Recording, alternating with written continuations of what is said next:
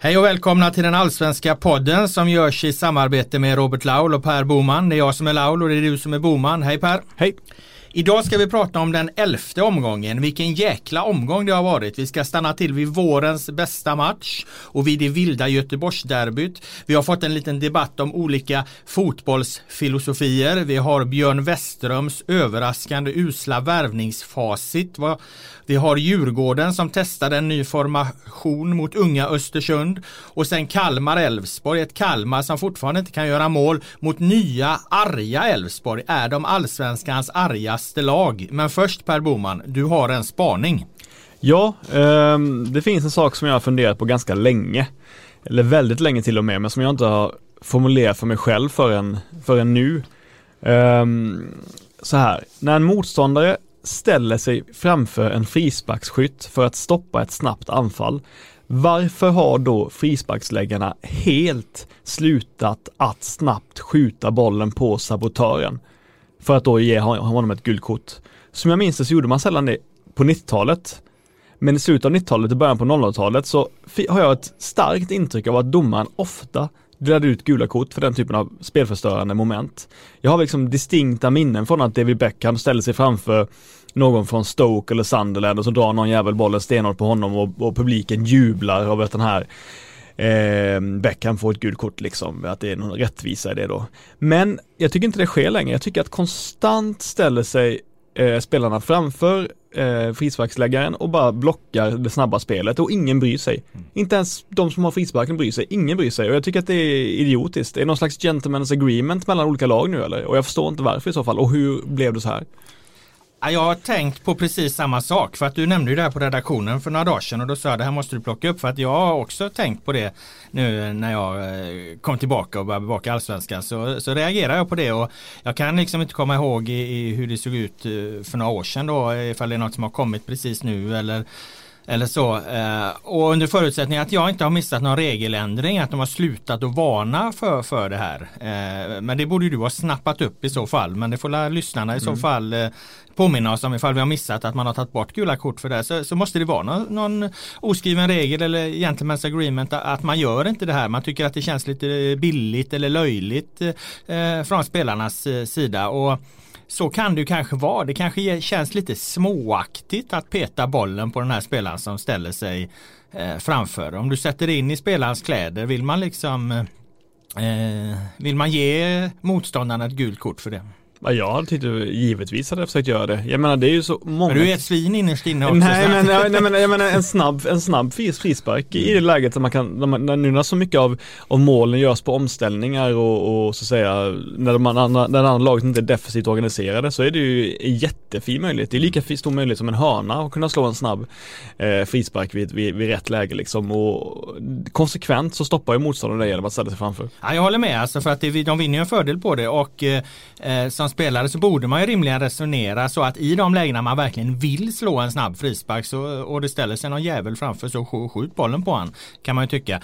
Eh, sen om man eh, behöver man då kanske inte sätta det i system och göra det varje gång men, men i de lägena det uppstår så borde det faktiskt vara en, en tanke att eh, vill man slå den snabba frisparken och det ställer sig någon i vägen, ge han ett kort. Det är flera år sedan jag såg någon mm. göra det senast. Både på svensk nivå och på internationell nivå. Mm.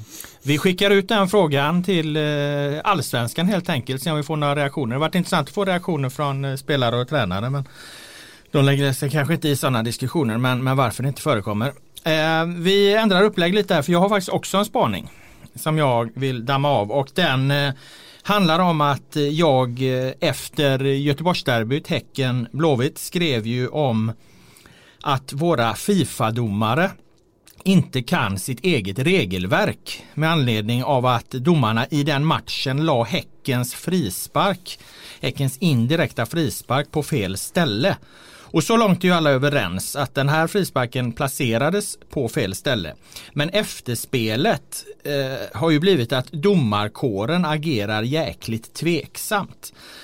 Ett så har de ju hittills vägrat att kommentera vilket är allvarligt eftersom de borde kliva ut och förklara vi gjorde fel, detta gäller. Ehm, det är ju en viktig principfråga att, att eh, alla läser ju inte Robert Lauls krönika utan här måste du liksom domarna måste förklara okej okay, vi la bollen på fel ställe enligt regelverket ska den ligga här så att det blir liksom konsensus kring det och det också blir slutsatsen och så att inte bollar läggs eh, på fel ställe i framtiden.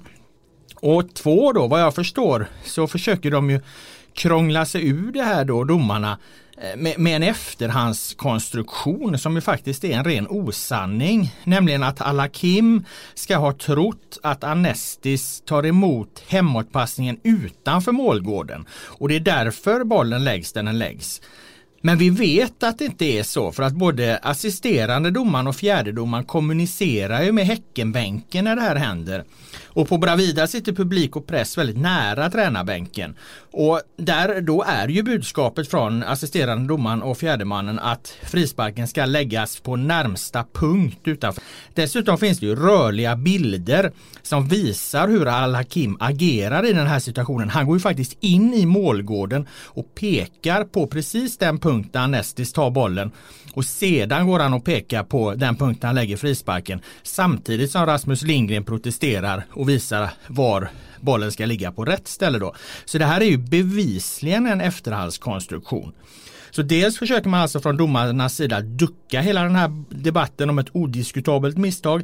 Dels försöker man slingra sig ur den med en efterhandskonstruktion som är en ren osanning för att det inte ska bli uppenbart att de faktiskt inte kunde sitt eget regelverk. Jag är jätteglad eh, över den här John F Kennedy skottsspaningen som du har, att du har mätt och du har hittat och all bevisning som du har lagt fram eh, är ju hundraprocentig. Eh, jag har ju sett allting och jag tycker också att det är en jäkla märklig krishantering från, från domarskrået. Det påminner lite om när ja det här kanske är en liksom, långt dragen liknelse, men när, när två poliser eller ordningsvakter misshandlar någon och sen skriver av varandras rapporter för att det ska, ja, Eh, för att man ska skydda sig själva helt enkelt. Eh, det får man lite intrycket av i det här fallet och det är väl helt enkelt så pass pinsamt att inte ha koll på regelverket att man är beredd på att gå över lik för att det ska eh, skymmas och inte komma fram. Ja, jag tror de kommer hålla fast vid det här till döddagar. Alltså att de, de vill på inget vis att det faktiskt ska eh, bli uppenbart eller att de vill på inget vis bekräfta att de faktiskt inte kunde sina egna regler. Vilket är uppenbart att de faktiskt inte kunde i det här fallet. Och jag menar det är ett eh, stort regelverk med en helvetes massa små, små delar så att jag är imponerad över, över att de överhuvudtaget kan det så bra som de kan och, och uppstår det då en situation där de inte eh, kunde det ja, ja då eh, då är det, det är ju någonstans också vår uppgift faktiskt. Jag tycker, att, jag tycker att vi har varit jäkligt schyssta på Sportbladet och i den här podden. Vi har inte eh, tagit upp några domarmissar e-, egentligen under hela säsongen här utan har en väldigt stor respekt för att det är bedömningssituationer och, och vi river inte upp himmel och hav och vi har fått frågor in till den här podden om att, eh, om att vi ska prata om domarnivån och vi har genomgående sagt att den är hög och jag tycker att den generellt är, är väldigt hög. Men när det kommer uppenbara misstag då är det desto viktigare att man faktiskt sätter, sätter ljus och lykta på dem och, och med kraft påtalar att de är fel så att det ska bli rätt nästa gång. Det är ju vad det handlar om. Och domarna har väl inte velat kommentera heller om jag Nej, de har inte rätt. kommenterat det utåt överhuvudtaget. Nej, uselt. Så att ja, vi får se vad det tar vägen. Eh, vi ska gå vidare på våra fem huvudämnen. Och i det första ämnet då så har vi eh, en omgång då som innehöll några matcher som verkligen stack ut. Vi börjar med vårens bästa match. Hammarby-Norrköping 2-2. Du var där och du hämtat dig? Ja, nästan. Eh, det var sånt läge som varje gång man tittar ner för att skriva någon halvdålig mening till sin eh, krönika så missade man någonting, någonting kul på planen. Alltså det var verkligen underhållande. Det var, jag tror att Norrköping är ett av få lag som kan bjuda till hundraprocentigt på Tele2 Arena mot Hammarby utan att blåsas av banan.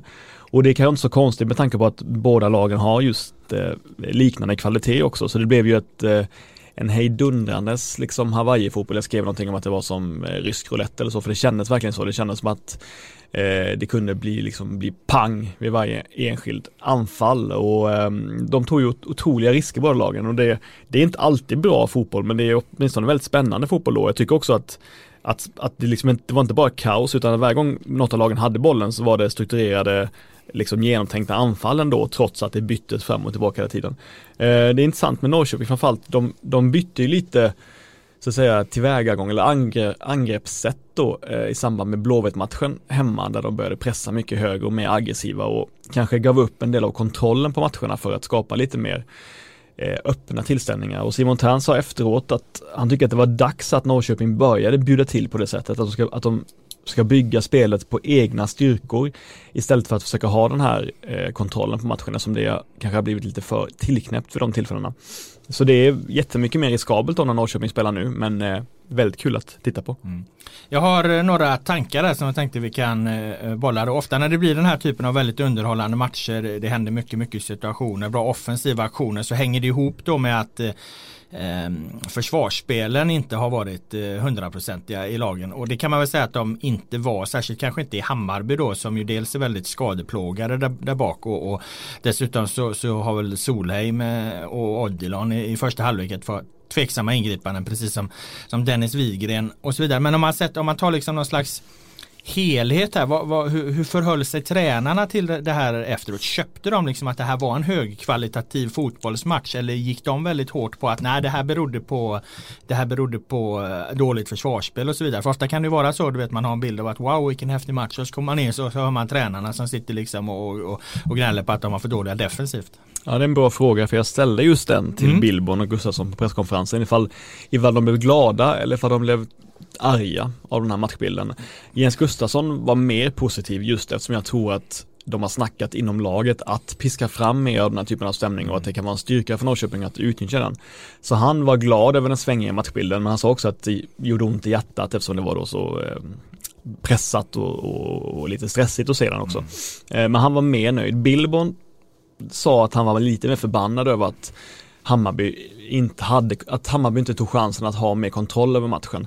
Det, också, det blir ju lätt så för att eh, när de jagade kvittering så var det många Hammarby-spelare som bidrog till den hetsiga stämningen om att liksom få publiken med på noterna och, och eh, gestikulera mot den. Så att det blev liksom, och det gav ju en jävla kraft i, i, i kontringsspelet och omställningsspelet, men gjorde också att det fortsatte vara den här kalabaliken på planen. Så jag tror att Billborn kanske hade velat att spelarna skulle lugna ner sig lite vid något tillfälle, för när de gjorde det så var de ganska bra på att rulla sig ur Norrköpings förvisso goda press. Det såg ju, eh, såg vi första målet som, eh, jag tror att det var du som eh, skrev att det var 32 passningar först där utan att Norrköping rör bollen, även fall Krogar som kanske snudde den lite. Alltså det är en långboll och så nickar de undan den och därefter har de vad jag förstår 32 passningar då. Vi hade en som räknade här inne på redaktionen. Så att det, det var ett otroligt eh, fotbollsmål. Det är ett av de värsta målen i, i allsvenskan på, på lång tid. Ja exakt, de har, men, exakt, men de har ju något, något tillfälle i början av passningsspelet vid egen planhalva när Krogarsson köttar bakom Bojanic och ja. kanske snuddar den lite, det spelar ingen roll såklart.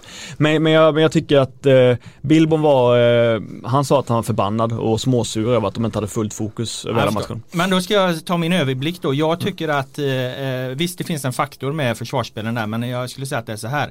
Hammarby eh, skapar sina anfall och gör sina bra grejer genom eh, metodik mm. genom hela laget och eh, slår ju faktiskt ut Norrköpings försvarsspel när det är samlat många gånger och kommer till de här skarpa målchanserna. Eh, och Norrköping har individuellt skickliga spelare som klarar att utnyttja de liksom svagheter och brister som uppstår i, i ett Hammarby som inte riktigt sitter ihop defensivt och, och där spelarna dessutom gör individuella misstag. Så skulle jag säga att, mm. att, att, det är liksom att det, det, blir det liksom den här matchen landar ner i. Ja absolut, samtidigt så är ju pressspelet en del av en metodik också. Men den får de inte så mycket betalt för. Jag tycker det i andra halvlek tycker att de vinner mycket boll högt upp mm. mot framförallt Bojanic tycker jag börjar tappa en del boll i andra halvlek. Han spelar ju med sån oerhörd mm. Eh, hög risk så att mm. eh, en del passningar slår han ju fel. Så ja. är det ju. Men de som går rätt är ju en njutning att se. Ja absolut, det var jättebra. Men i grunden så håller jag med dig om eh, att den, det fanns den skillnaden mellan lagen. Det är ju den stora bilden. Om man bryter ner den här då och, och tar liksom samma perspektivsangrepp på eh, Jordan Larsson. Mm. Eh, hur ska man se hans Kurre Hamrin-raj där? För man kan ju antingen se den som att Widgren, eh, Hammarbys vänsterback, spelar som en juniorspelare och låter honom komma förbi honom där. Eh, eh, Odilon kommer helt fel in i det och halkar igen liksom. Så han drar förbi honom också och sen eh, kommer Kurci fel och, och eh, bollen går då till Nyman som drar upp den i, i nättaket. Så där kan man ju se liksom att, att Jordan Larsson trippar runt här i, i, nere vid kortlinjen och massa Hammarby-spelare gör misstag hela tiden. Eller är det helt enkelt ett, ett, ett briljant fotbollsnummer eh, rakt igenom från eh, Jordan Larssons sida som gör att eh, Hammarby-spelarna tar felaktiga beslut hela tiden? Det var, det var 70% bra och 30% dåligt kan man säga. Så att, eh... Vad fint att du hade ett exakt konkret svar på den frågan. 70-30, då kan vi gå vidare till nästa. Eh, ja, men det var, var det vårens match då? Vi dividerar ja. lite det. Är det den bästa matchen som har spelats? Ja, det är ju andra matcher som har varit bra, men då är det ofta ett lag som har varit mycket bättre än det andra. Mm. Eh, nu när det var två lag som jag tycker spelade på en 4 plus nivå, då eh, får jag nog ändå landa i att det här var den mest ja, underhållande fotbollsmatchen som jag har sett i Allsvenskan mm. i år. Jag skulle säga att eh, att, att, konkurrensen har varit svag just på den här, jag säger inte att det varit dålig fotboll, det tycker jag absolut inte. Det tycker jag har varit en, en bra allsvenska på många sätt. Men det har inte varit den här typen av, av sprakande fotbollstillställningar när man kommer in i tv-studion efteråt och, och, ska gå igenom den och liksom få, få torka svetten ur pannan mer eller mindre.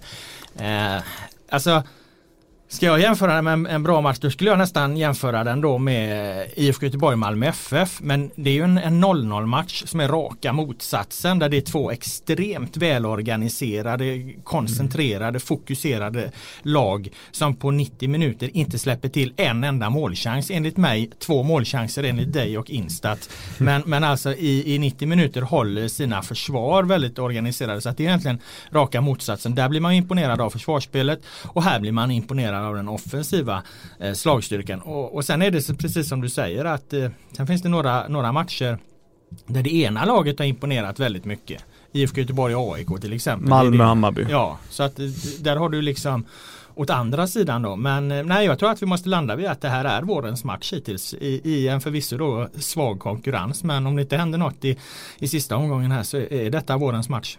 Mm. I viss konkurrens, och nu blir det en liten radioövergång här till det vilda Göteborgsderbyt på Bravida. Eh, du var där också. Mm.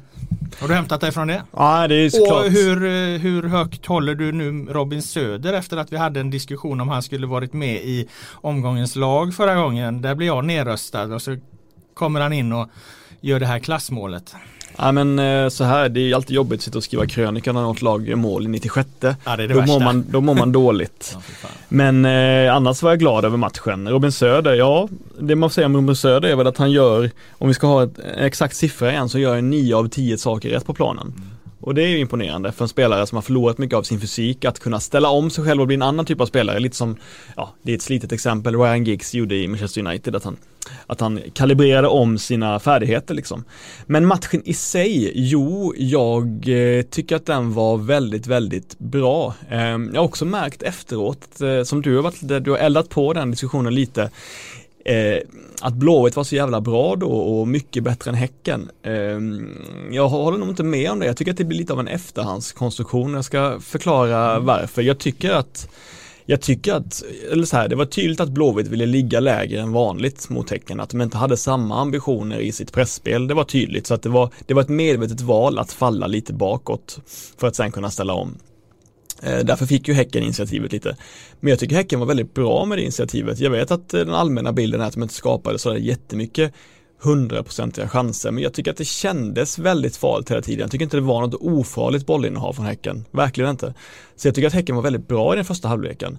De hade egentligen bara ett problem, det var det att eh, mittbacksparet och innermittfältet inte var synkade i om vilka, vilka som skulle plocka upp Patrik Karlsson Lagemyr. För jag tycker egentligen att det bara var Paka som gjorde så att Djurgården, eller som att Blåvitt eh, ledde den här matchen.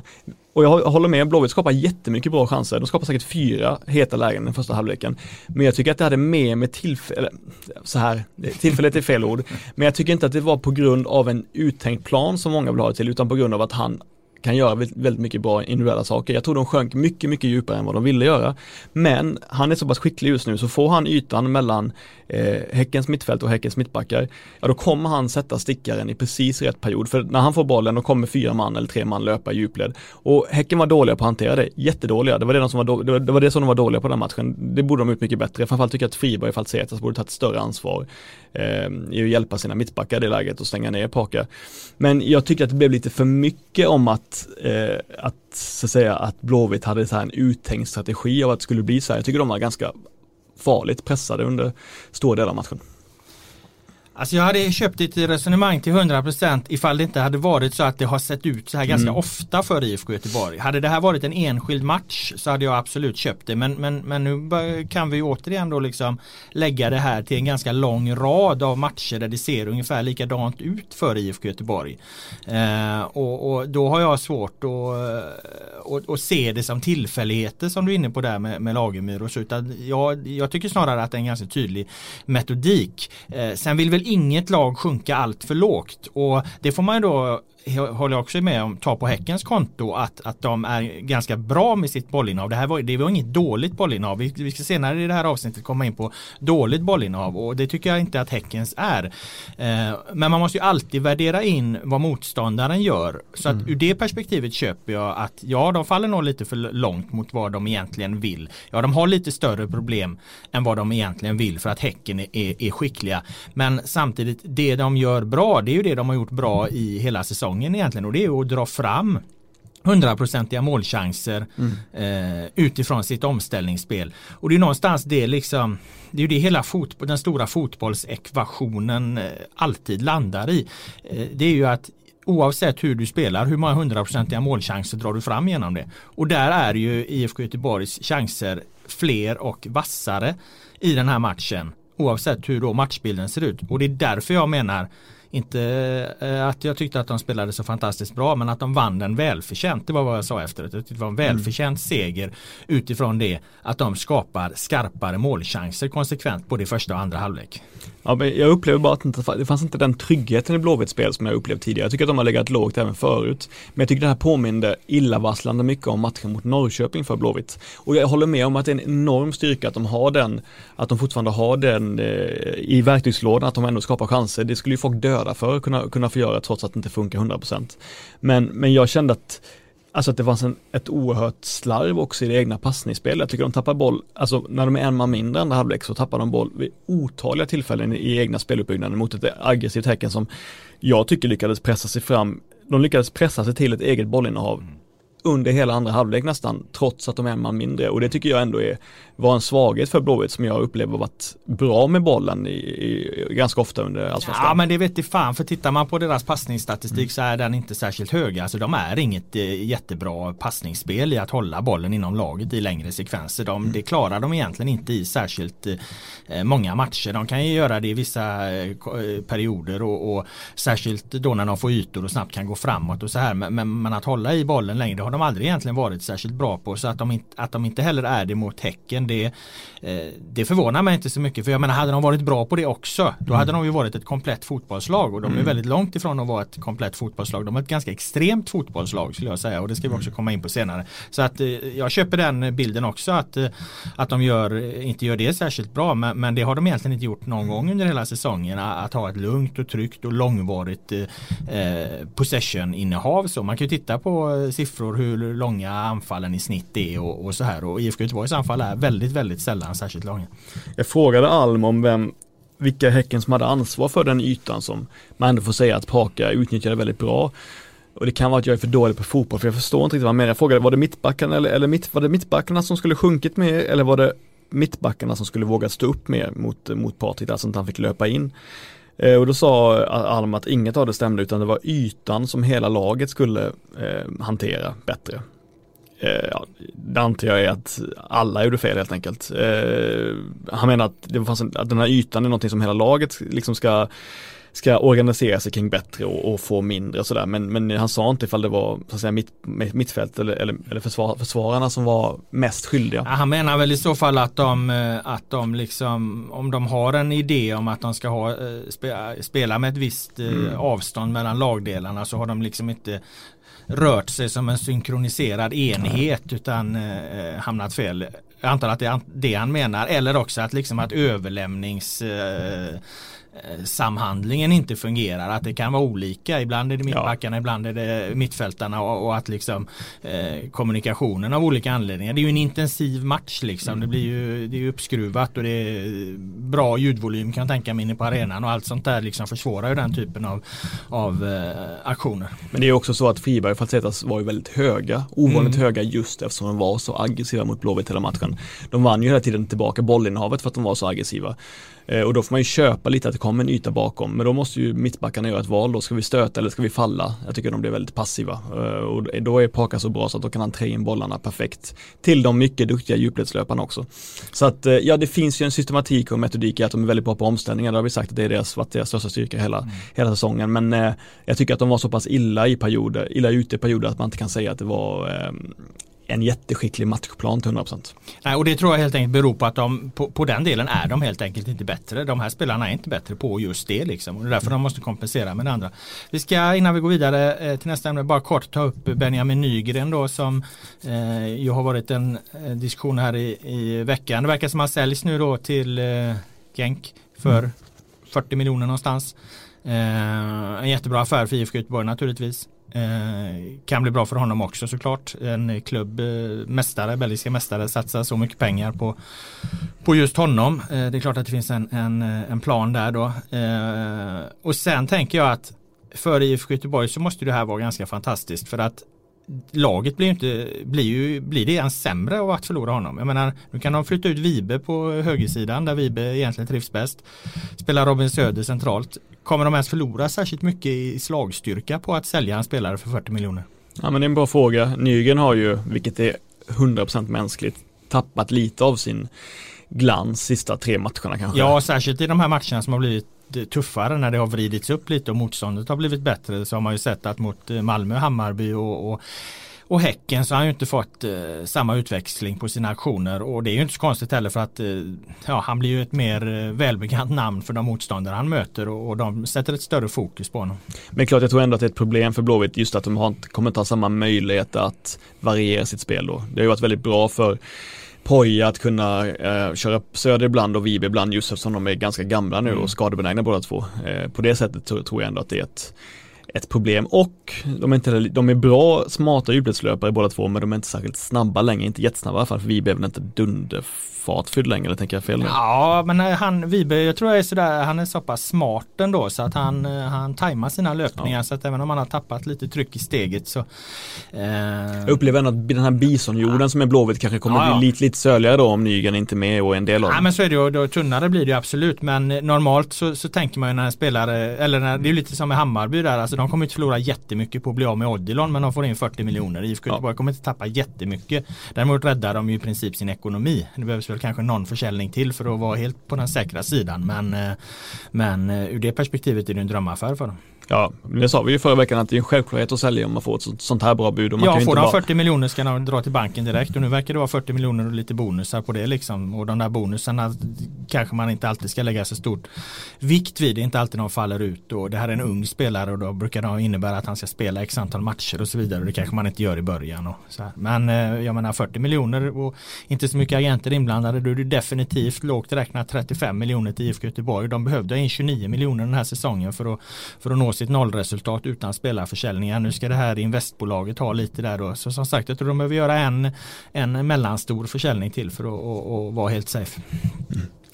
Så, så, är det med det. Vi glider över till eh, vårt tredje ämne och det var ju då att jag stack ut hakan lite i veckan här kring spelfilosofier och då har vi berört IFK Göteborg ganska mycket så det behöver inte säga så mycket mer om men de är ju då en extrem i årets allsvenska sett till sitt omställningsspel. De har inte särskilt mycket boll men de har extremt vassa omställningar så att de är ett extremt lag på det sättet. Sen har vi motpolen då i GIF Sundsvall som jag såg mot AIK här nu och det var egentligen första gången jag tittade på Sundsvall med det ögat i år. Eh, jag har ju sett dem tidigare men här tittar jag på det och de är ju raka motsatsen. De är ju enormt extrema i sitt bollinnehav. Vilket oerhört eh, eh, högt bollinnehav de har alltså och, och hur, hur, de jobbar med det. Eh, utan att då komma någon vart egentligen. Vilket kan vara en sidodiskussion i det hela. Men de har väl någonstans 60-40 mot, eh, mot AIK. AIK får knappt låna bollen i andra halvlek. Eh, och sen har vi då eh, mellanläget där som jag vill hävda är Malmö FF som någonstans utnyttjar de bästa av två världar. De kan egentligen allt det här och, och det är i grunden det som gör Malmö framgångsrika. Eh, det här blev ju en del diskussioner om det här. Vissa höll med, andra höll inte med. Köper du det i stora drag som en, eh, ett underlag för vidare diskussion? Ja men det är ju inte, det finns väl ingen kontrovers, eller det är väl inte kontroversiellt att säga att Blåvitt har mycket omställning och att Sundsvall har ett eget bollinnehav. Eh, och att, och att Malmö FF ligger mitt emellan. Ja nej det finns ju ingenting att säga om det. Sen är ju frågan ja, om, man lägger, om, man lägger, om man lägger någon värdering i det. Ja. Det upplever jag att du gör ändå, eller? Hur menar du då? Att du tycker att det ena är bättre än det andra kanske? Nej, jag tycker att eh, det, nej, det tycker jag inte. Det spelar absolut ingen roll. Folk, eh, lag får göra precis hur de vill utan det handlar om hur mycket liksom poäng det genererar, hur mycket målchanser man skapar. Och där tycker jag att IFK Göteborg hittills har varit mer framgångsrika i att ta poäng, skapa målchanser eh, än vad GIF Sundsvall har varit. Så då har den modellen varit bättre och allra bäst har ju då Malmö FF varit som behärskar båda delarna av det. Så att det är väl någonstans eh, dit jag, där jag landar. Ja, men man ska nyansera Sundsvall lite då så upplever jag att de eh, kanske var dogmatiska och maniska i sitt bollrullande för, säg, säsongen 2017. De är inte det nu då alltså? Men jag tycker att de, jag tycker att de sedan 2018 och framåt har blivit mycket, mycket, mycket, mycket, mycket, mycket, mycket, mycket mer varierade i sitt spel. Det måste varit outhärdligt eh, för, Ja, det kan, ja då var de, då tycker jag att de var naiva ofta. Men jag tycker inte att det är på samma sätt riktigt längre. Jag tycker att de fick ett otroligt mycket bättre djupledsspel förra året. Och jag tycker att de varierade sitt kortpassningsspel mycket, mycket mer med fantastiska Batanero-bollar i djupled mot Hallenius eh, under stora delar av 2018 och även emellanåt under 2019. Det är bara att de inte har fått lika eh, god utdelning mot det och kanske inte i varje match kanske inte har sett så ut så. Det kanske inte alls såg ut så mot AIK. Jag såg inte den matchen så den kan jag inte bedöma. Men jag tycker att de är lite mer mångbottnade än att de skulle vara bara, bara, bara kortpassningsspel. Och man får säga att även om det inte har funkat så jättebra i år så har de ju tidigare i alla fall skapat chanser också via sitt via sitt eh, tiki-taka. Mm. Men, men eh, ja, det, det, ser väl inte lika bra ut i år då. Eh, det fanns ju två liksom eh, sidotankar kring det här då och det kanske blir, nå, mer blir ett slags filosofiskt resonemang kring GIF Sundsvall. Men det är att kan man säga att eh, eh, alltså det klassiska begreppet dödgrävarfotboll det har ju alltid varit ett lag som ja, man kryper ner i skyttegravarna och, och försvarar sig med elva man och skickar undan bollen långt liksom och, och, och det kampar eh, när bollen kommer upp och med en lång forward och en kort som går i djupled. Ungefär liksom hårdraget. Så, så, och den som liksom den som uttryckte det här allra tydligast en gång i tiden det var ju Drillo då på 90-talet när han pratade om att eh, har man inte haft bollen inom laget mer än tre gånger kan man lika gärna lämna över den till motståndarna för då gör man inte målen då liksom. Det var ju en extrem åt det hållet.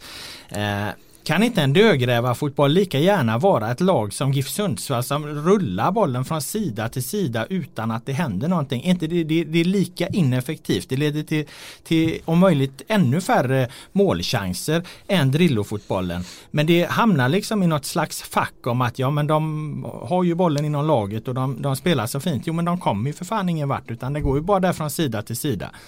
Är inte det också dödgräv? Är inte det en modern form av dödgrävarfotboll? Det här har ju GIF Sundsvall-fansen blivit rasande på mig för. Nej men det, för man får ju tycka det såklart. Men det, jag tycker det här påminner lite om när folk tyck, började tycka det var tråkigt i hur Spanien spelade.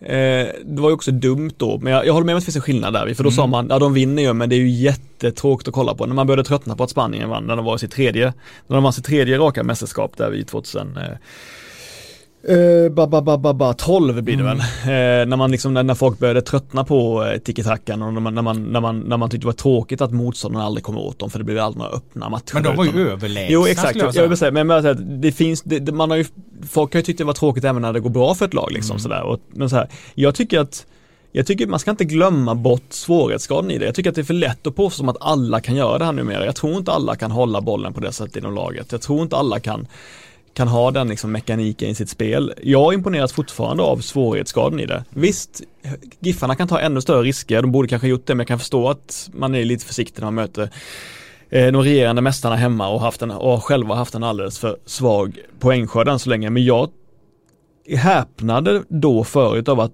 GIF Sundsvall med de usla resurserna kunde kontrollera matcherna med en spelstil som väldigt få behärskade på den tiden eh, för något år sedan. Det tycker jag var roligt och jag tycker det imponerar. Jag imponerades av just själva svårighetsgraden.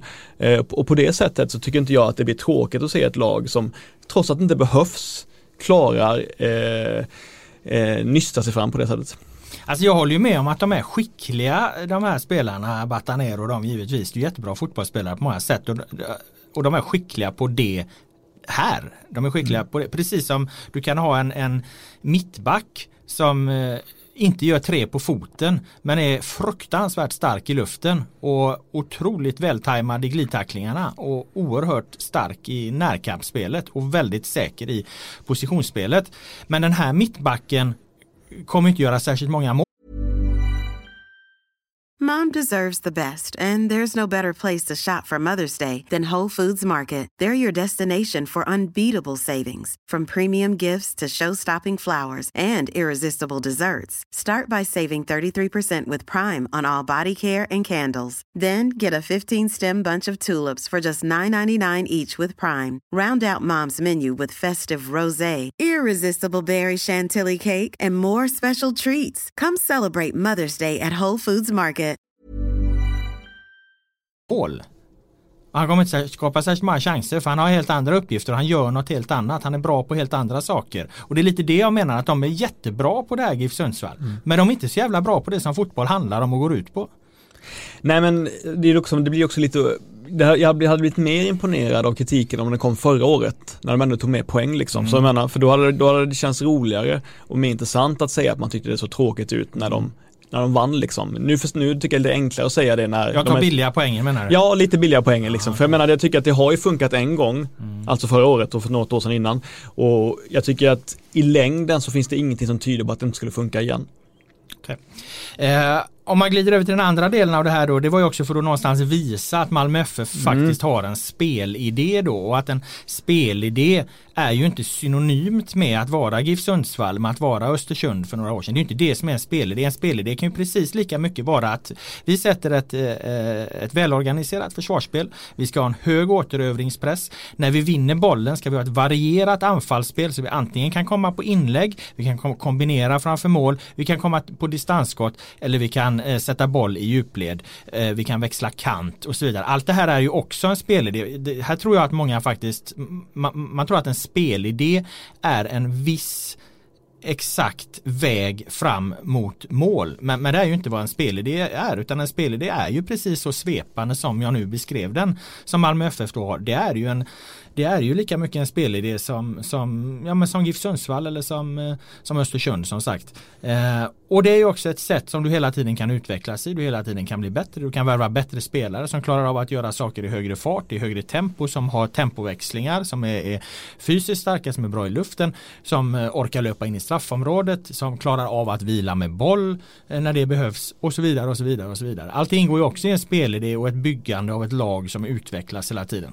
Men det är uppenbart att Malmö FF har så bra spelare så de behöver inte ta omvägen via en typ dogmatisk spelidé där man måste klara av alla, alla stegen för att sen göra mål. De behöver inte göra det för att de har så pass mycket bättre spelare än andra lagen så då har de väl utnyttjat det fullt ut genom att ha en mer rock'n'roll-fotboll på något sätt om man nu får använda en sån eh, term. Vet du vad jag blev imponerad av eh, Malmö FF mot eh, AFC här, de var ju med 5-0 och det är mm. klart den matchen vinner de ju alla dagar i veckan. Det är att de jagar femman. Mm. Alltså de har, sätter en jävla press när de leder med 4-0. Eh, vad kan det vara, 10 minuter kvar. Ja, och så gör de 5-5. Jag tror de mår ganska bra Malmö. Ja, men jag tycker att det är ganska typiskt Malmö. Det var likadant eh, när de slog Kalmar med 7-1 eh, förra året. Liksom att de fortsätter, fortsätter, fortsätter. Mm. Det finns liksom ingen italiensk Serie A-grej där att man slår av på takten för att vara schysst mot motståndarna. Inte alls. Jag tror också för att det är så pass Nyckeln till det är ju för att det är sån hög konkurrens om platserna i laget så de som spelar måste konstant visa att de ska fortsätta spela. Eh, så att det är ju konstanta liksom eh, vad säger man, eh, anställnings, eh, vad säger man, man går på anställningsintervjuer ja. hela tiden liksom med Rösle för att visa att man ska få vara kvar på planen. Då måste man köra 90 minuter.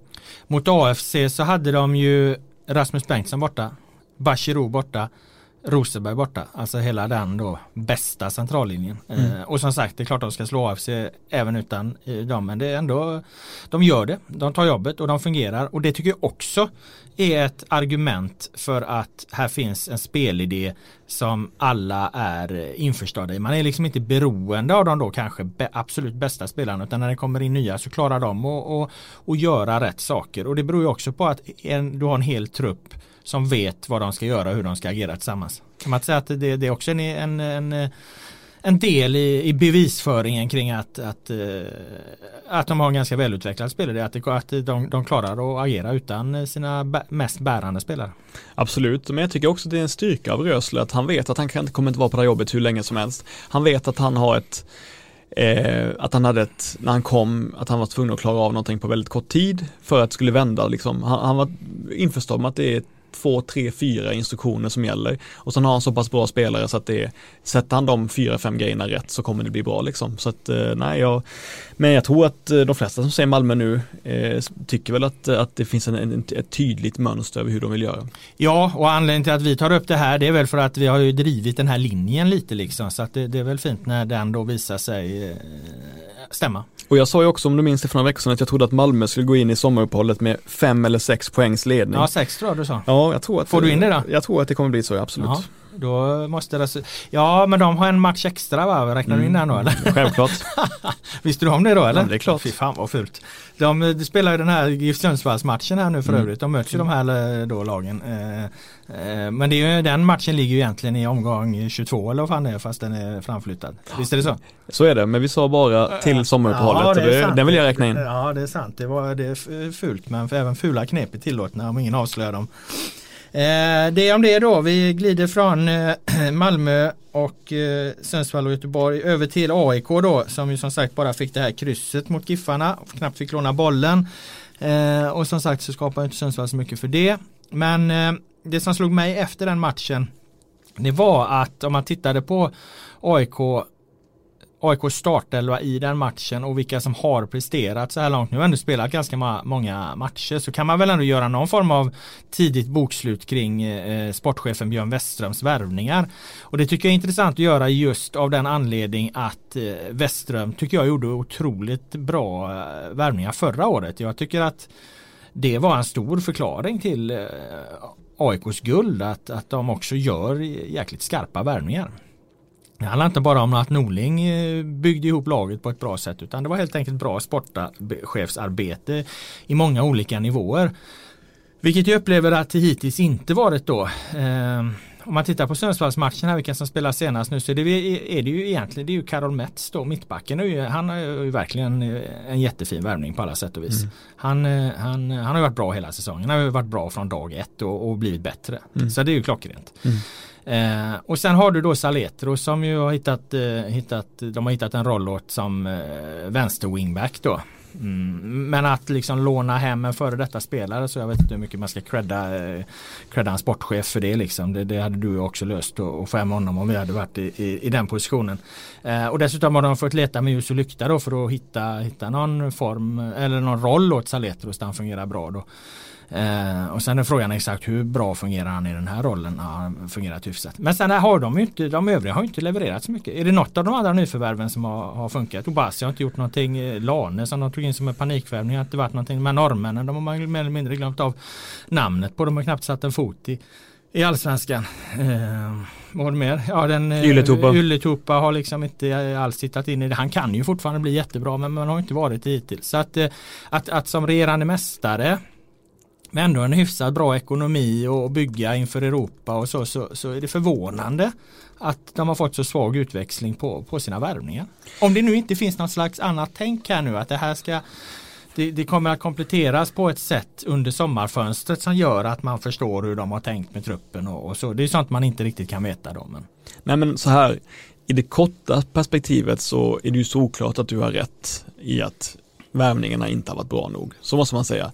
Sen finns det ju alltid förklaringar till varför det har blivit som det blir. Om man tar Ylletupa, då tog de in honom. De tyckte att det var ett kap för att de har en alldeles för gammal trupp i hög utsträckning. De behövde ha fler unga spelare som de sedermera kunde sälja dyrt. Mm. Men då måste han få speltid och han måste spelas in. Har han varit bra nog för att spelas in i laget? Nej, det har han inte. Så att kommer de, ja, det är ju det som är problemet. Det är det som är det vanskliga med att köpa en ung spelare som man inte är 100% säker på än. Mm. Eh, ja, och då lyckades de inte med, han lyckades inte med det i vågspelet, det får man ju säga.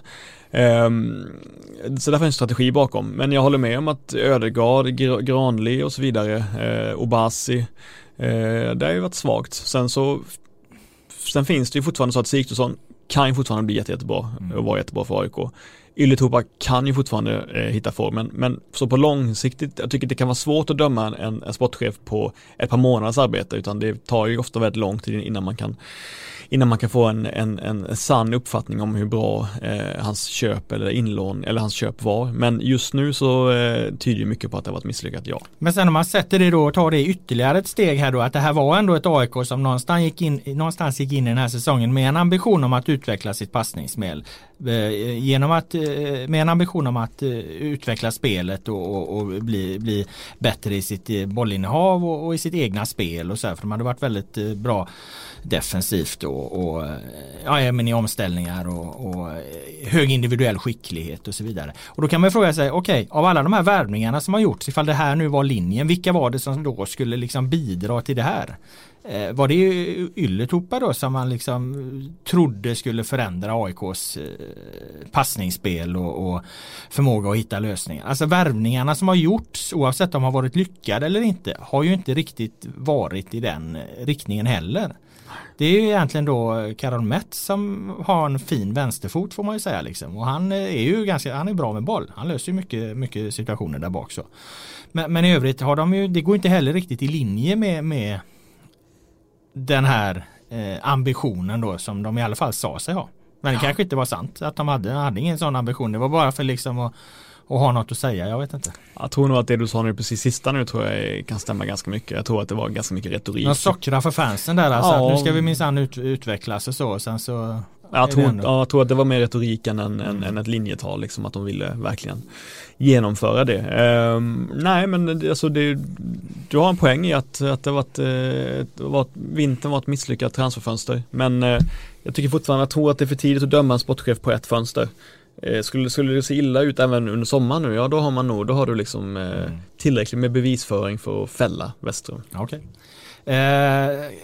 Norling då, han har vi tagit upp tidigare. Nu, där kan vi göra någon form av bokslut också här nu. Nu är han ju definitivt kan vi konstatera efter x antal matcher tillbaka i, i så som han då egentligen vill spela. Och eh, vad blir liksom vi, vi diskuterade det här fram och tillbaka varför han gjorde den här övergången till eh, formationen 4-3-3 då från, eh, från sitt 3-5-2. Och nu när han är tillbaka då, eh, vad, vad är din slutsats? Varför gjorde Norling, varför gjorde han det här plötsliga liksom formationsbytet mitt under säsong? Ja, du har ju haft, haft en sån här Machiavelli-grej, att han gjorde det här eh, för att visa hur överlägsen hans ursprungliga modell var liksom. Kolla här, ni vill spela mer offensivt. Ja, nu får ni se hur det funkar liksom, nu går vi tillbaka till tryggheten igen. Ja, jag tror det blir ett jävla, och det har ja. drivit till att, att det blir ett jävla tjat där internt liksom. Massa offensiva spelare liksom och det kom utifrån att, att det här måste fungera och det kom säkert kanske inifrån också att vi, vi vi måste spela med fler offensiva pjäser på planen och, och, och, så. Och till slut så,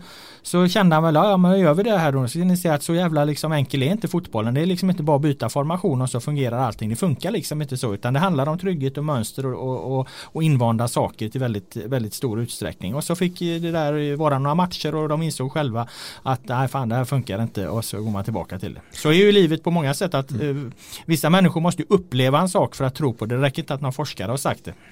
Nej men jag tror att han, jag tror att han äh, agerade inte på en extern press, det tror jag att han skiter i. Jag tror att han skiter i vad tyckare säger och jag tror att han skiter i vad fansen säger i hög utsträckning. Men däremot kan det nog funnits en intern press. Och, ja, det var det jag menade. Ja, exakt. Där, där, ja, exakt. Och även säkert eh, hans chefer och mm. ledarstab överlag. Där hade han nog någonting att bevisa liksom. Jag tror inte han, jag tror inte han helhjärtat gick in i förändringarna. Jag tror inte han helhjärtat kände att det var rätt beslut att göra som han gjorde.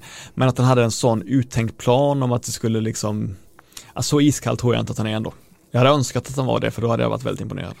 Du gjorde en intervju med honom den här vevan. Du skulle Mm. satt frågan, du skulle slagit ett vad med han så här. Om två matcher så har du gått tillbaka till 3- 3-5-2. Vågar du sätta tusen spänn på det? Så Ja. se vad han hade, vad han hade, om han hade tagit det. Ja exakt. intressant. Ja för det var ju precis efter den intervjun som jag att han gick ju tillbaka då Ja till det pass. 5-3-2 säger vi väl, inte 3-5-2. Ja just det, 5-3-2. Ja. Malmö spelar ju 3-5-2. AIK spelar 5-3-2.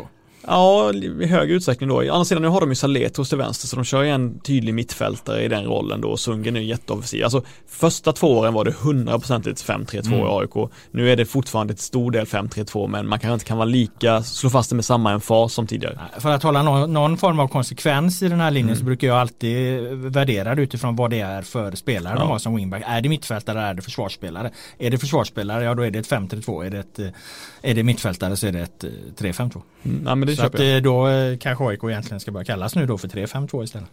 Jag tycker vi kör vidare på Ja. 5-3-2. Ja. Eh, vi släpper AIK därmed. Vi går vidare till, eh, apropå formationen då, jag tänkte med en radioövergång till Djurgården där som ju också testade en ny formation hemma mot Östersund. De spelade 3-4-3. Eh, de fick in sina eh, mittbackar, eh, Erik Berg, Marcus Danielsson, Jakob Une Larsson i startelvan.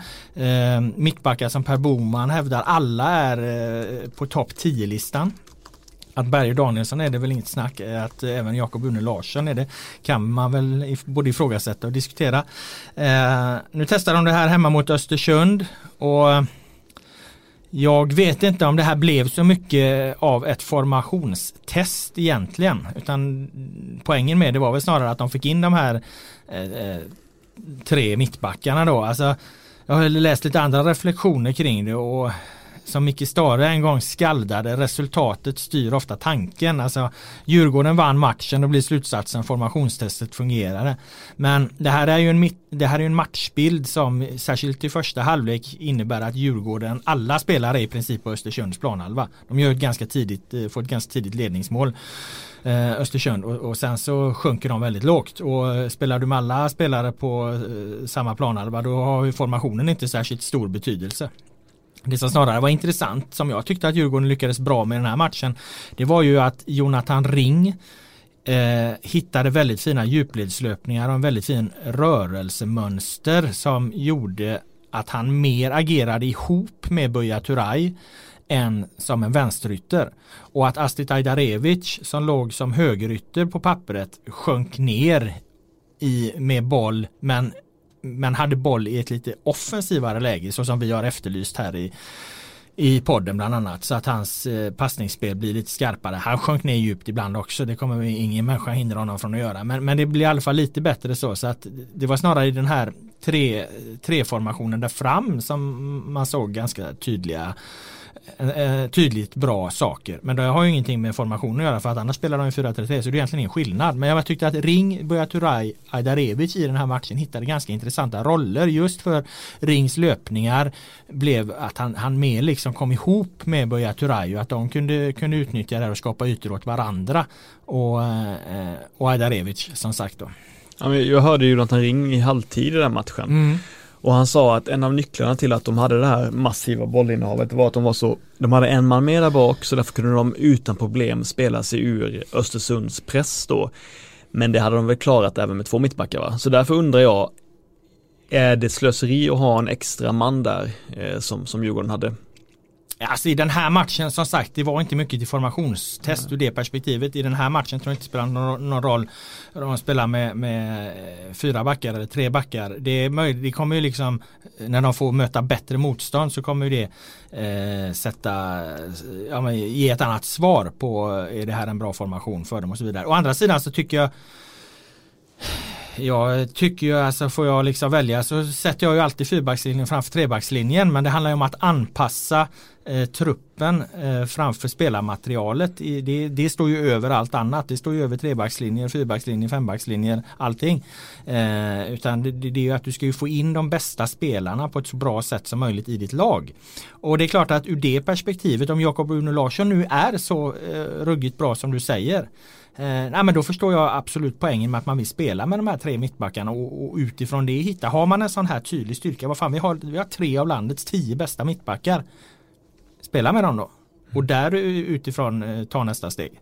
Mm. Så att eh, så sätt så förstår jag tanken. Jag förstår tanken i grunden utifrån truppen. Jag förstår att de gjorde det. Eh, att de fortsätter tror jag inte har så mycket att göra med hur det egentligen föll ut mot just Öster Östersund i den aktuella matchen. Ja men det är väl så enkelt som att alla de tre spelarna är opetbara helt enkelt. Ja men lite så. Mm. lite så. Det som däremot förvånar mig med den här matchen det var Östersunds snittålder. Det har faktiskt överhuvudtaget, ska jag erkänna, inte reflekterat över. Vet du vad deras snittålder i den här startelvan var? 21,4. Eh, Nej, 22,8 och det är mm. tydligen den näst lägsta startelvsåldern som har någonsin har uppmätts under 2000-talet i allsvenskan om inte Simon har fel. BP hade en lägre start. Det här är alltså lägre än Baby Blåvitt. Och det har det ju alls inte pratats om. Eh, jag har inte dubbelkollat siffrorna men det gick ut i Simors sändning eh, och Unger sa det med en fas och det kom en särskild grafik på det till och med 22,8 år. Så att eh, eh, det behöver stämma då. BP då någon, någon, gång för några år sedan ska ha tydligen haft en, en startelva med en, med en lägre ålder. Eh, och det har man ju faktiskt överhuvudtaget inte riktigt tänkt på kring Östersund. Det förklarar ju en del då av att de är lite svajiga får man ju ändå säga. Tycker ja, jag. Alltså, ja. Du blir också förvånad när jag säger det, eller hur? Ja, jag blir förvånad. Även om du gissade på en ännu lägre ålder. Men... Jag blir förvånad på det sättet att det är ju inget när det är så så brukar det ju vara förening, när föreningen har väldigt unga lag så brukar det vara för att de spelar in egna talanger ja. eh, som, som man måste spela in underifrån. Så är ju inte fallet i Östersund för de har ju ingen eh, fungerande, även om det blivit bättre sista året så har de ingen fungerande så elitungdomsverksamhet där de får fram särskilt mycket bra egna produkter. Så istället är det ju så att de har ju handlat in ett ett jävla gäng eh, liksom märkliga spelare som ingen riktigt känner till eller som många inte känner till sedan tidigare liksom eh, sådär Weimans och Kolket och så vidare. Eh, när jag kollar på laget nu så Nej, det, så är det ju. Det är ju egentligen bara Mukibe som är lite äldre. Ja, han blev eh, skadad efter en, eh, en halvtimme så att, ja. Eh, mm. och fick gå ut. Och, så att det hängde nog också ihop med att de blev ännu mer darriga men, i just matchen mot Djurgården. Men det som är intressant är för att ha sånt ungt lag så har de egentligen ingen som jag tror kommer bli så bra så de kan sälja dyrt framöver. Gero nej, Islamovic nej, Weimans nej, Kolket nej, Revanamin nej, Tesvalteki kanske, mm. Mukibi nej, Sonko Sundberg nej, Haugan, nej. Issued, nej.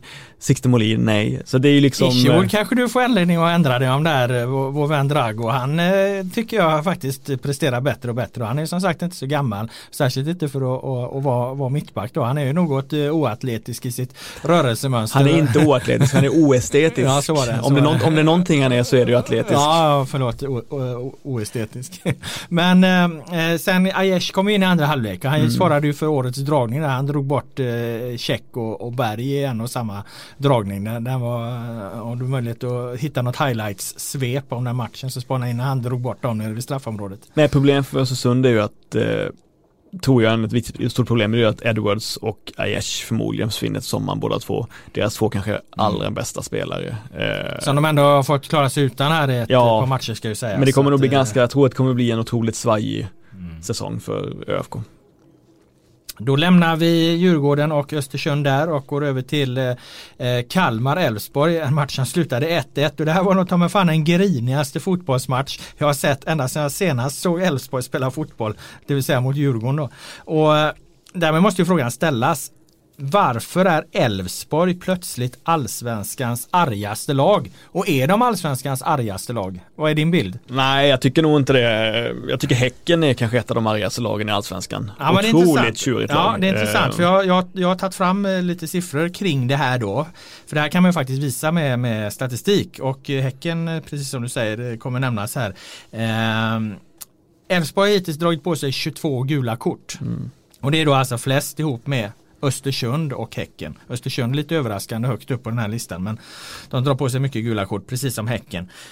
Ehm, Elfsborg eh, drar också på sig flest frisparkar per match ihop med Häcken i snitt 17 per match jämfört med eh, AIK och eh, nu hade AIK låg på 12 frisparkar per match så att eh, Elfsborg drar på sig väldigt, väldigt mycket frisparkar.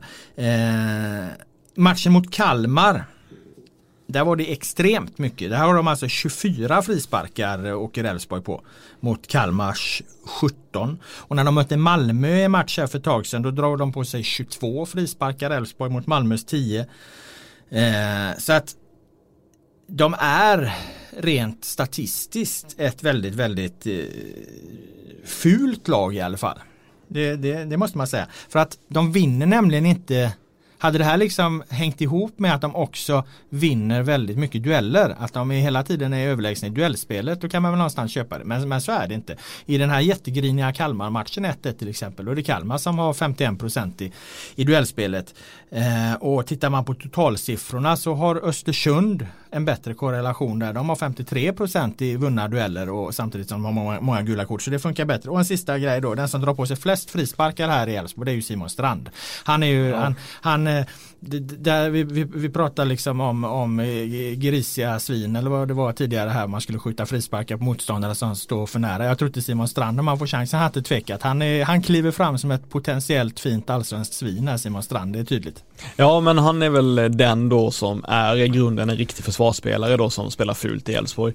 Jag tänker så här, det är intressant det du sa att jag tror att det kan ju vara så att Jimmy Tillin eh, i iven att fixa till försvarsspelet, vilket han gjorde i viss utsträckning förra året och även i år då. Det kan ju vara så att han fortfarande har ganska offensiva spelare vars styrkor inte är i defensiven. Men om man säger till sådana spelare att bli aggressivare, aggressivare, aggressivare och, och liksom eh, stoppa motståndarna helt enkelt utan att de är jättebra försvarsspelare. Ja det är väl då det blir massa gula och röda kort. Ja Frick har ju dragit på sig tre gula till exempel mm. som är anfallare då. Vad var rätt för filmning va? Ja just det som han då ja, hävdar absolut inte var någon filmning. Eh, och sen eh, Ishizaki hade väl ett par, Strand har ett par. Eh, men du förstår vad jag menar? Ja, att, att, man, att man sätter ja, offensiva spelare i en ny situation och de gör ju sitt jobb i så mått att de får ner spelaren på marken men att de mm. kanske inte är i grunden så bra försvarsspelare och därför blir de hårdare straffade av, av domarna. Mm. Men allting, eh, allting finns ju här, alla bevis finns ju. Alltså de, de drar på sig massa frisparkar, massa gula kort eh, och, och det blir hetsiga, griniga matcher. De har alltid fler frisparkar än motståndarna. Så att eh, jag tycker ändå att det finns fog att kalla dem för det argaste laget. Absolut, men grejen är att jag tycker bara att Mot Kalmar var de ju extremt arga. Exakt, jag önskar bara att, alltså, hade, de varit, hade de varit arga på ett sätt som man till 100% hade kunnat respektera, då hade de klarat av den stämningen som blev mot Djurgården. Mm. För att eh, ett riktigt skönt argt lag, mm. de, de ska ju njuta av när det blir kaos också. Jag upplevde inte att Elfsborg njöt av match, matchbilden mot Djurgården, utan snarare att de blev lite rädda och försiktiga av den.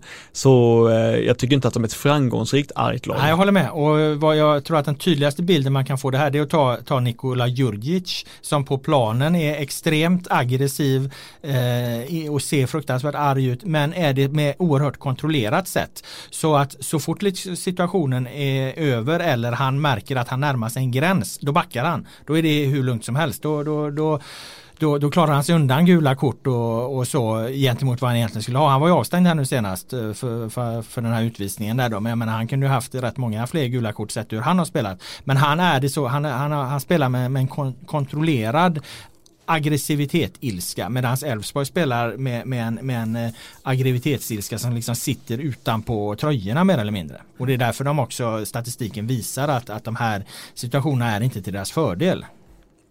Nej, så skulle man kunna sammanfatta det. Ja, tycker jag verkligen. De mötte ju då ett Kalmar som ju mest spelar oavgjort hela tiden och har, har liksom eh, fruktansvärt svårt att göra mål. De gjorde ju inte ens ett eget mål utan de gjorde ett, eh, det var ett självmål. Ett eh, märkligt självmål som, som de fick in sin boll på den här matchen. Och jag tänkte lite på den när jag tittade på den, tittade framförallt på, på andra halvlek där. De anfaller med så himla lite folk ofta tycker jag.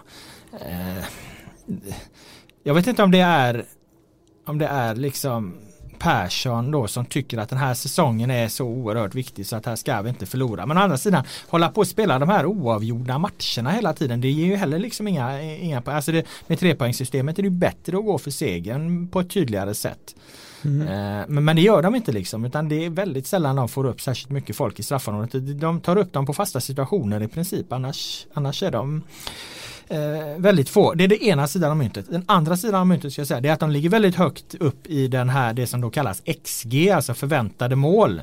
Där har eh, Kalmar innan den här senaste omgången, då var de på en, om jag minns rätt nu, fjärde plats där 1,6 i XG, vilket är högt. Alla tror inte på XG, det är inte jag heller riktigt, men det säger ändå någonting när man ställer olika lag emot varandra. Så att ur det perspektivet så är Kalmar ett lag som rimligen borde bli bättre och bättre över säsong här. De borde börja vinna, men då tror jag också att de måste måste våga fylla på med lite fler folk. För när, när det liksom är match efter match och år efter år ett lag, lag som inte, inte gör mål så måste det bero på någonting. Och just den här säsongen beror jag på att Persson har hittills varit en väldigt försiktig general. Ja, för jag har ju varit kritisk mot anfallarna de senaste åren i Kalmar. Att Mm. de har varit för dåliga på att skaffa bra anfallare och att anfallarna inte har levererat på väldigt många, många år. Eh, och att det varit väldigt många felrekryteringar av, av sportchefen. Men kan det vara så att de har varit för isolerade också då? Att det inte bara handlar om anfallarens kvalitet utan om att de har varit lite för ensamma? Nej så är det ju naturligtvis också. Alltså hade, Eller både hade, hade de, och ytterst är det väl någonstans också en pengafråga. Det är ju anfallarspelarna som kostar mycket pengar och, och eh, Kalmar har inte så mycket pengar så att de har inte de har inte kunnat köpa den typen av effektiva spelare så det, det handlar, handlar säkert om det. Men jag menar tittar man just nu på den här säsongen och, och matcher så, så känns det som att de, de hade gjort fler mål ifall de hade skickat. Jag menar vad fan kolla på Anna Hammarby spelar här nu mot, eh, Norrköping. De stod kvar med med, med två mittbackar Mm. eh, mot Norrköping när det står 2-2. Eh, och vilka är de här två mittbackarna? Jo det är ju en, hög, en offensiv högerback och en 18-årig eh, talang som knappt har spelat i Allsvenskan. De två sköter hela Hammarbys försvarsspel i andra halvlek när, när de går framåt. Jag menar det, det finns ju inte på kartan att Magnus Persson skulle göra så. Det är ju inte i närheten. Han står ju kvar med, med, med sju man ett, när de har 1-1 hemma mot El- Elfsborg. Mm. Så det, det är ju en skillnad i strategi också. Ja, bra illustration. Tack, då går vi vidare till eh, våra läsarfrågor och eh, ja, som vanligt när jag slänger ut det här på sociala medier så blir det väldigt, väldigt mycket om, eh, om eh, polisen och eh, vi får väl kort ta det. Jag tog upp en sak från eh, Djurgården Östersundsmatchen där, där jag fick en känsla att det var liksom ett ganska ödsligt Tele2 Arena. Det var under 10 000, en klack som står och vrålar om att hela Stockholm hatar polisen. Och ja, det är ju självklart att fansen har all rätt i världen att protestera. Men då undrar jag liksom, är det verkligen så här Svensk Elitfotboll, SEF och SFU vill ha det? Att allsvenska matcher blir någon slags forum för hat mot myndigheter. Vad, vad, vad känner du kring den tanken? Ja, alltså jag tycker väl så här, ehm, jag, minns, vi, jag minns vi pratade lite om när det hände. Jag tror väl att supporterramsor av naturen är lite mer slagkraftiga och, och kantigare än vad en debattartikel eller en, eller en pamflett är liksom. Så är det ju bara. Eh, av naturen så är det mer slagkraftigt liksom. Eh, så om man har problem med polisen så istället för att skicka en insändare så skriker man väl det att man hatar dem på läktaren då. Ehm, så är det ju ganska vanligt i supportkulturen. Eh, Man skriker högst för att höras då. Eh, Men det man kan fråga sig själva är ju möjligen då om om, eh, om det är inkluderande eh, och om, om, man bygger liksom allianser med sittplats på det viset eller om det kan framstå som lite sektigt och subkulturellt. Jag vet inte, jag är ingen strateg på det sättet men man kan ju möjligen, det kan ju möjligen uppfattas som en intern sak att skriva så, kika så. Eh, vi har en fråga om Guillermo Mollins omvandling från teknisk ytter till stark targetspelare, alltså Mollins i Malmö, eh, om han därigenom har förlängt sin karriär. Det tyckte jag var en ganska intressant eh, fråga. Ja, vi pratade ju faktiskt om det efter matchen mot Blåvitt ju, där jag sa att han bara körde targetspel hela Mm, matchen eh, och kanske var lite för eh, fokuserad på det. Eh, så ja, han har ju fått, det har verkligen blivit en, en, ett, ett, ett inslag i hans spel som han är duktig på. Eh, och det är inte så konstigt med tanke på den fysiken han har och den spelintelligensen. Men jag tror inte han är, jag tror inte att han är färdig på det andra sättet liksom. Jag menar Rosenberg är fortfarande en snabb och farlig djupledsspelare trots att han är 36 år gammal. Jag tror att Målins kan vara både och, liksom Rosenberg då i många, många år till.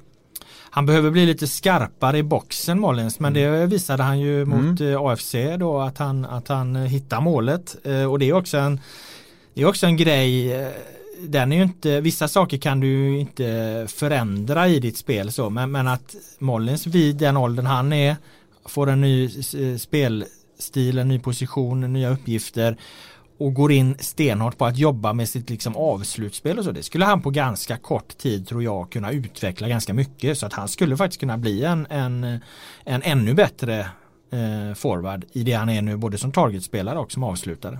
Men vilken styrka för Malmö att också få igång Målins nu liksom. Mm. Det är ju, ja, jag förstår att de andra lagen blir mörkrädda. Vi har fått en fråga om Tankovic filmning och reaktion efteråt. Det är alltså eh, mot Norrköping där, där det är Dagestål som kommer med benet och, och Tankovic lägger sig. Och jag specialstuderade faktiskt det här och gick även in i regelverket som jag brukar göra. För jag hade en liten, liten eh, klocka som ringde i bakhuvudet om att eh, man får inte skrämmas för mycket heller som försvarsspelare. Du får liksom inte, jag kan ju inte springa fram till någon med en, en motspelare med, med knu, om vi hårdrar det, jag kan inte springa fram till en motspelare med knuten näve, låtsas att du klappar till honom på käften och sen stanna en millimeter framför. Är du med? Det, det, det, hade, det är ett regelbrott, även om jag liksom inte fullföljer slaget. Och på samma sätt är det ju, eh, får du inte komma med hög fart mot någon och precis bromsa liksom.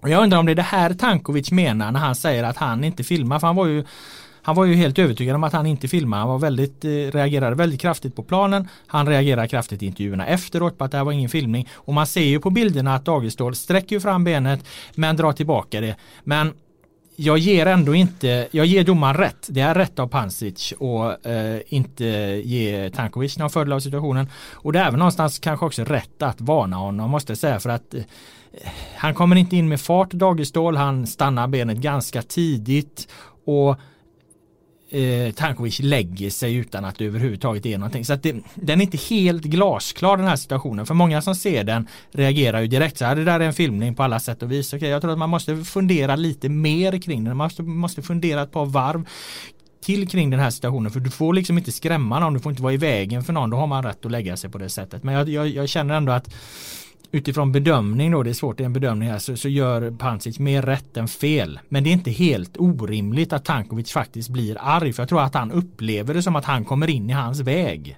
För att foten är på väg fram och då känner han att fan här är foten på väg mot mig, jag kommer ramla. Och så lägger han sig. Och så blir det en filmning av det. Så att jag, jag, jag, jag, förstår att han blir förbannad Tankovic. Jag, jag tycker inte man kan, man, man behöver inte såga hans beteende så jättemycket. Här måste han lugna sig lite givetvis. Alltså det, det är för mycket protester och, och, och, så här. Men, men jag förstår att han blir arg. Mm. Förstår du vad jag menar? Ja, ja, det var en bra nyansering. Han var ja. faktiskt arg. Han var arg långt efter matchen. Han darrade nästan i, i mixade zonen när han skulle men lägga Han upplever ut, det så. Han ja. upplever det som att han kommer in där. Men det gör han inte riktigt. Men, men hur fan ska Tankovic kunna se det? Han ser ju bara i ögonvrån att fan har jag ett ben på väg fram liksom. Mm. Ja, och så exakt. bromsar han precis. Ja, och faller väl lite till vänster ja, också. Ja, absolut. Exakt. Jo, jo, men mm. jag, jag säger det. Det är rätt att ge honom det här kortet. Men mm. det, är mm. inte, det är inte så jävla uppenbart som alla tror, tror jag. Nej, det, det finns en, nej, en nyans det, i detta. Det, det, är så här, det är inte säkert att det var ett cyniskt sätt att fixa en straff. Nej. Så kan man säga. Nej, jag tror helt enkelt att han, han känner nu får jag smällen som lägger mig. Mm. Mm, jag köper det. Eh, Jannes uttagning av Per Karlsson.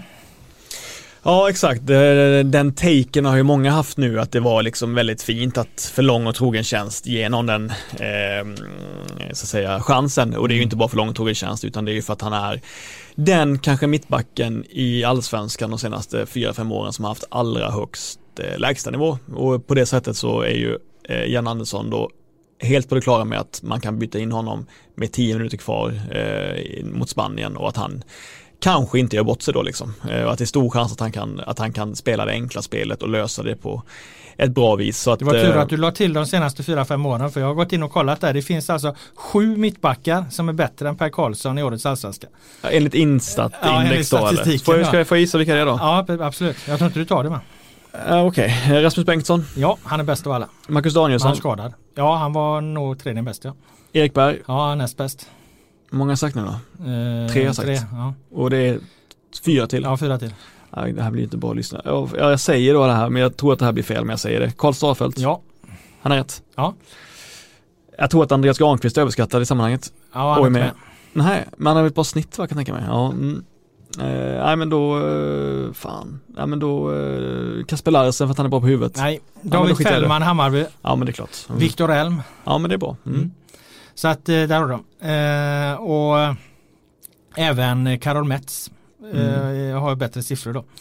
Eh, och Panos eh, i AIKs tredje back i den här trebackslinjen har likvärdiga siffror i princip som Karlsson. Men skälet till det tror jag är att Per Karlsson inte är inblandad så nej, mycket i matcherna. Nej, nej. Men det han väl gör, gör han jätte, jättebra. Ja. Han är som en klassisk Libro nästan ibland liksom. Mm. Att han dyker upp när det verkligen är farligt och då löser han i princip alla situationerna. Så att jag tror att det handlar om att han sällan slår så mycket passningar, även om han blivit bättre på den här eh, chippen upp på, mots, på, på, på anfallarna så, så är det för att han eh, vakar över laget snarare än alltid agerar. Vet du vad jag tror är mest avgörande? Nej. Spela på gräs.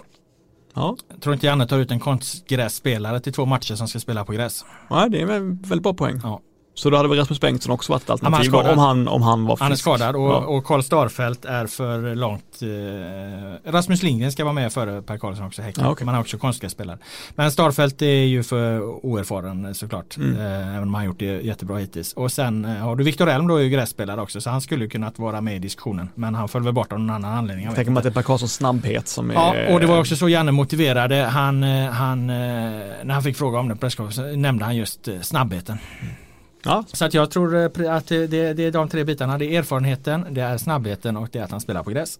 Eh, varför slår Örebro inga inlägg på Carlos Strandberg och Prodell när de har ett tungt anfallsspår? Ring Axel Kjell och fråga. Vi behöver inte ringa Axel Kjell och fråga för att han är en av de här nya generationens tränare som har kört fast i att bollen ska rullas längs marken och inga inlägg ska slås. Men eh, det är väl klart att frågeställaren har en poäng i att Örebro borde skicka mer eh, inlägg mot sina två centertankar där uppe. Annars kan man ju spela med andra spelare lika bra. men eh, samt, samtidigt när jag har sett Örebro så tycker jag att de har slått ganska mycket inlägg. Mot Hammarby slår de mycket inlägg.